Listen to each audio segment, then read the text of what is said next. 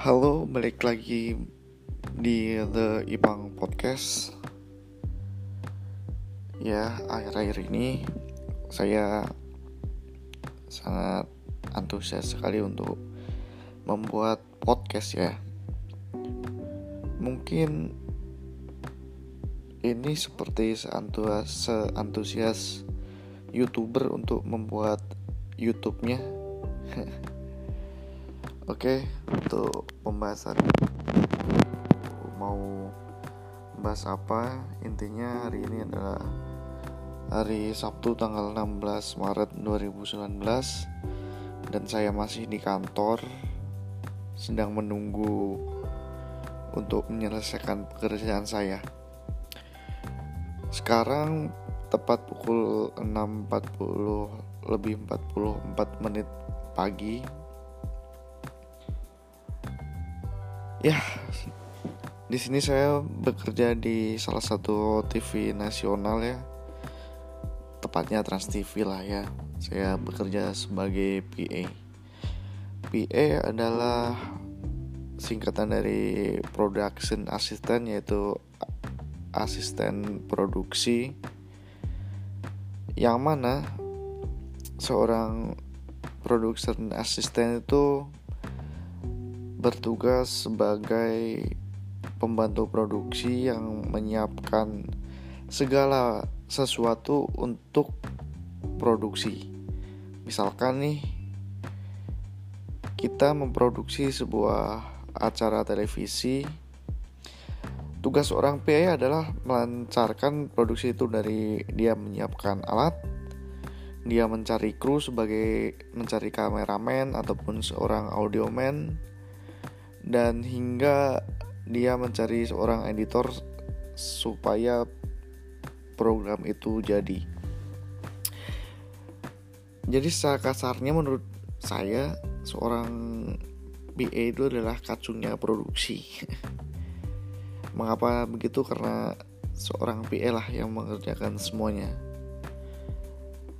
Sebelumnya sebelum bekerja di PA ini kan saya seorang lulusan broadcasting tapi tidak tahu tentang istilah PA ini. Yang saya pelajari di broadcasting adalah bagaimana saya membuat acara.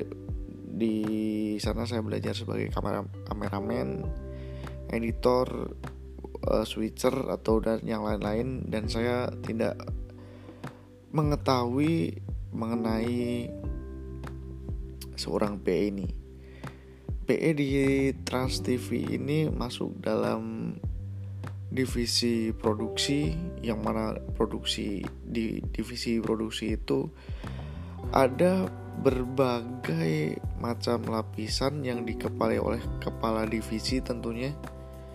Divisi produksi terus ada kepala departemen. Kepala departemen itu misalkan di departemen itu membawahi program drama infotainment atau yang lainnya dan di bawah di bawahnya kepala departemen ada eksekutif produksi dan di bawahnya eksekutif produksi ada produser.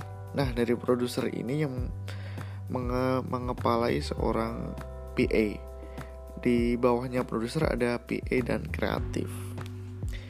Kalau di podcast sebelumnya saya wawancara dengan salah satu kreatif di Trans TV ya tapi di podcast sebelumnya belum si teman saya Kuetio belum menjelaskan gimana proses kerjanya seorang kreatif.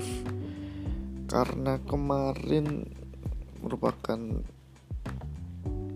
wawancara dadakan yang saya belum menyiapkannya dan malah dia uh, pinter ngomong sehingga dia menceritakan pengalaman dia untuk menjadi seorang kreatif.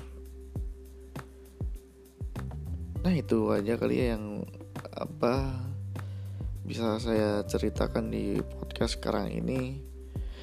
Jangan lupa untuk selalu dengerin podcast The Ipang Podcast.